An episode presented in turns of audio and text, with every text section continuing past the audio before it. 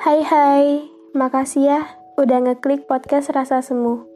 Ini cerita aku, cerita Moon and Sun. Aku buat cerita ini karena aku pengen dunia tahu tentang apa yang aku rasa.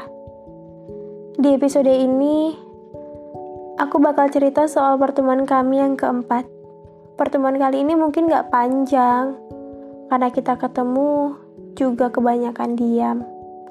Saat itu kita berempat. Ada aku, dia, dan dua teman aku. Dia masuk mobil, terus nyapa aku. Sambil bilang, e, Bulan maaf ya aku pakai celana pendek. Dan aku jawab, mm, iya gak apa-apa, santai aja San.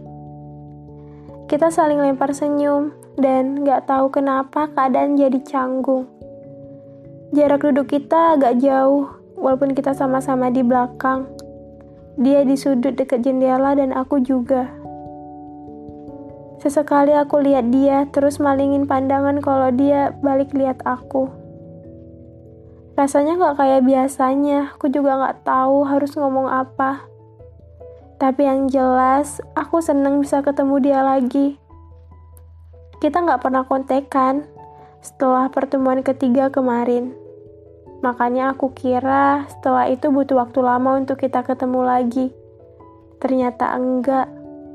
Hanya jarak sekitar empat hari setelah pertemuan ketiga, terjadilah pertemuan keempat ini.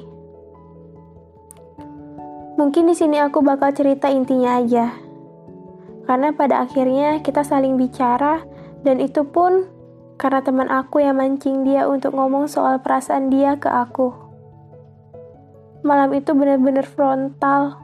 Kayaknya nggak pernah aku ada di posisi itu dengan seseorang yang berkata jujur soal perasaannya. Begitupun aku. Di situ dia pegang tangan aku.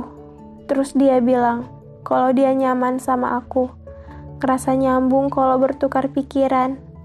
Dia suka dan mungkin sekarang dia udah cinta tapi belum 100%. Dia takut nyakitin aku. Dia takut takdir benar-benar gak berpihak sama kami. Dia takut dinding itu gak lagi berwarna putih tapi akan berwarna hitam. Dia takut gak bisa buat aku bahagia. Dia ngomong itu semua sambil lihat muka aku. Aku yang memilih untuk melihat arah jendela mobil. Aku ngerasa dia sedikit pecundang. Belum mulai udah nyerah belum bertarung udah ngerasa kalah. Tapi aku ngerasa ada yang beda.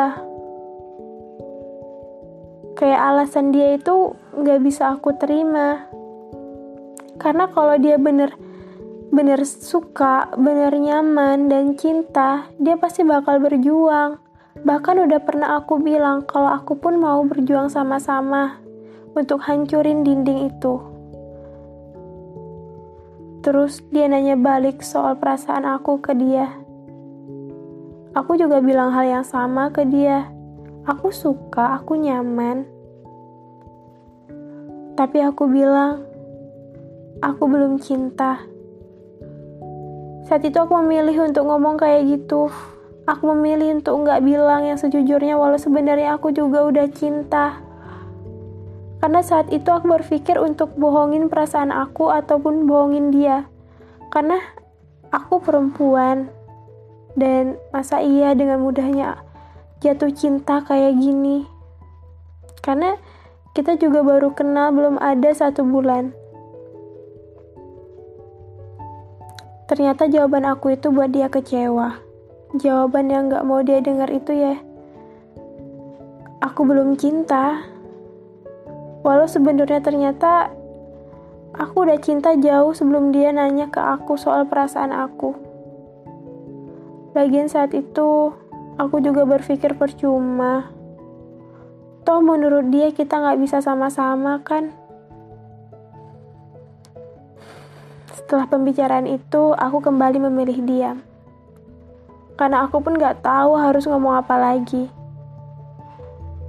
Malam itu lagi-lagi dia buat aku bahagia dengan ungkapan perasaannya, sekaligus buat aku kecewa dengan pernyataan yang gak aku harapkan untuk dia ungkapkan juga.